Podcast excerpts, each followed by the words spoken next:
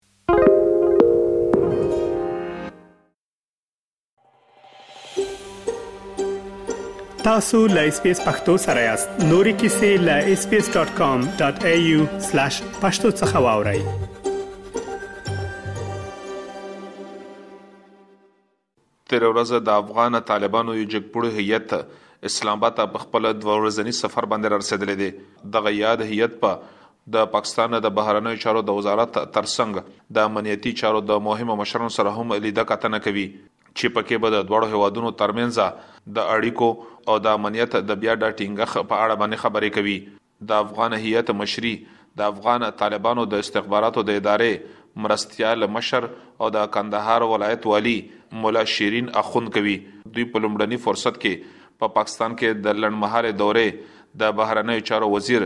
جلیل عباس جیلاني سره لیده کاتنې وکړې. د دغې لیدنې په اړه باندې د پاکستان د بهرنیو چارو د وزارت له خوا په خپاره شوي خبرپاڼه کې ویلي شوي دي چې افغان هیئت د بهرنیو چارو د وزیر سره په سیمه ایزه تجارت او د دواړو هیوادونو ترمنځ په اړیکو باندې په تفصیل سره خبرې کړې دي. بل لوري ته د افغان سفارت له خوا په خپاره شوي خبرپاڼه کې ویلي شوي دي چې افغان هیئت د دواړو هېوادونو ترمنځ د پولې د ستونزو د حل لپاره د جوړې کمېټې په شپږمه غونډه کې ګډون کوي او د ډیورنډ د کرښې سره تړلې پر ستونزو باندې به د یو بل سره نظرونه شریکولی شي. سفارت زیاته کړې ده چې په پوله باندې د عادي وګړو په تګ راتګ کې د اسانتیاوو د راپیدا کولو په اړه باندې به هم د یو بل سره نظرونه شریک کړی شي. د افغان سفارت له خوا اسلام اباد ته د افغان هیئت راتګ یو عادي خبره ګڼي، خو وایي چې اسلام اباد دې ته ډېر زیات ارزښت ورکوي چې اساسي علت یې په دې وروستیو کې د دواړو هېوادونو ترمنځ په اړیکو کې ترینګلوالی دی. په دې وروستیو کې د دواړو هېوادونو ترمنځ د پاکستان تحریک طالبان د ملاتړ د تور له امله اړیکې ترینګلې شوې دي او د اسلام اباد لخوا په کابل دغه تور لګول کیږي چې په پاکستان کې د ناامنیو پیښې ډیرې شوې دي او دغه هر څه ټي ټي پي ترسره کوي چې بیا په افغانستان کې پټ ځای نه لري او د افغان طالبانو لخوا د دوی سره مرستې کیږي خو افغان طالبان دغه تورونه ردوي او وایي چې د ستونزو د حل د لټون لپاره نورې لارې چارې خپلول پکار دي. په دې وروستیو کې په پاکستان کې د نامنیو پیښې ډېرې شوې دي چې نظامی چارواکو او عادي وګړو ته پکې درنه مرګ جوبله اوښتې ده. اوس په نږدو کې د دواړو هېوادونو ترمنځ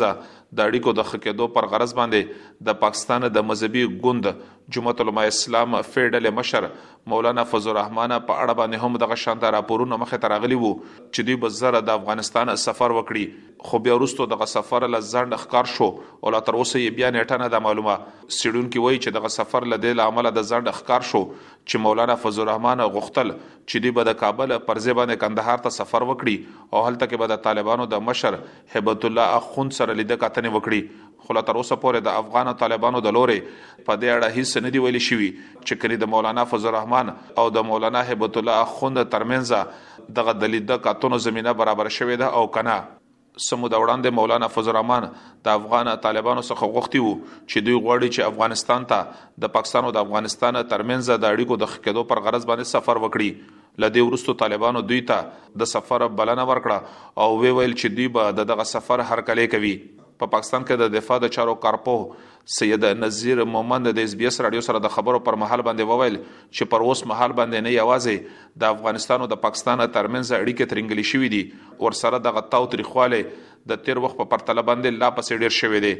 دوی ویل چې اوس په نږدو کې په ایران کې په شوې غونډه کې د افغانستان د بهرنیو چارو د وزیر امیر خان متکی او د پاکستاني هویت چې مشري یې سېنېټر مشاهد حسین کوله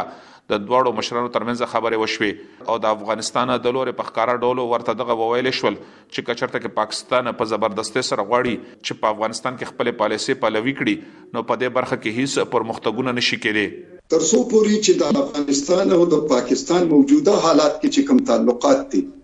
نو پاغي کې صرف دا نه ده چې سر مهري ده بلکې داسې او تاو تناو پکې ده داسې او توندي او تودي خبرې دي پکې چې دا غینه حالات خراب کېدو امکان زیات دی دیم خبره دا ده چې دغه په ثبوت کې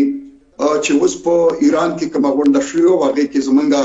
سېنیټر سیب مشاهده حسین سیب هغه د هغوی خارجه امورو متقي صیب سره ملاقات کړی و او په هغه ملاقات کې هغه ویلي چې پاکستان سره زموږ هیڅ قسمه خبرې اترې په دې لاره باندې نه روانې دي او نه څه داسې موجوده وخت کې داسې څه امکان ښکاري. البته دغه خبره یې دغه کړې ده چې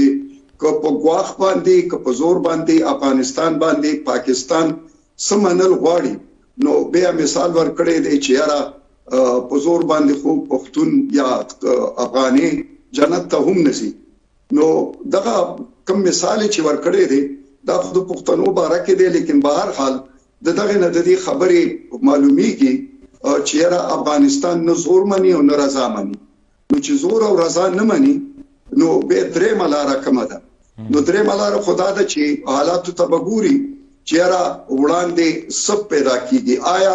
صدا سي انسیډنټ بکیږي چې دا غي د وجه نه با یا دا تاو تریخواله کمیږي یا په دې کې زیاتواله راځي خو بیا افغان څېړنکار بصیر وايي چې د دواړو هېوادونو ترمنځ په اړیکو کې تاوتریخوالی کومه نوې خبره نه ده، خو په اوس وخت کې د افغان دولت او د افغان ولس د لورې دغه فکر کېږي چې پاکستان د افغانستان په کورنیو چارو کې نه یوازې د لاسوهنې فکر کوي، ورسره هلته کې خپلې پالیسې پلوي کول غواړي، کوم چې د لویې پرېشانۍ خبره ده. دوی وویل چې دواړو هېوادونو مشرانو ته پکار دي چې د خبرو اترو د لارې د ستونزو حل راوباسي.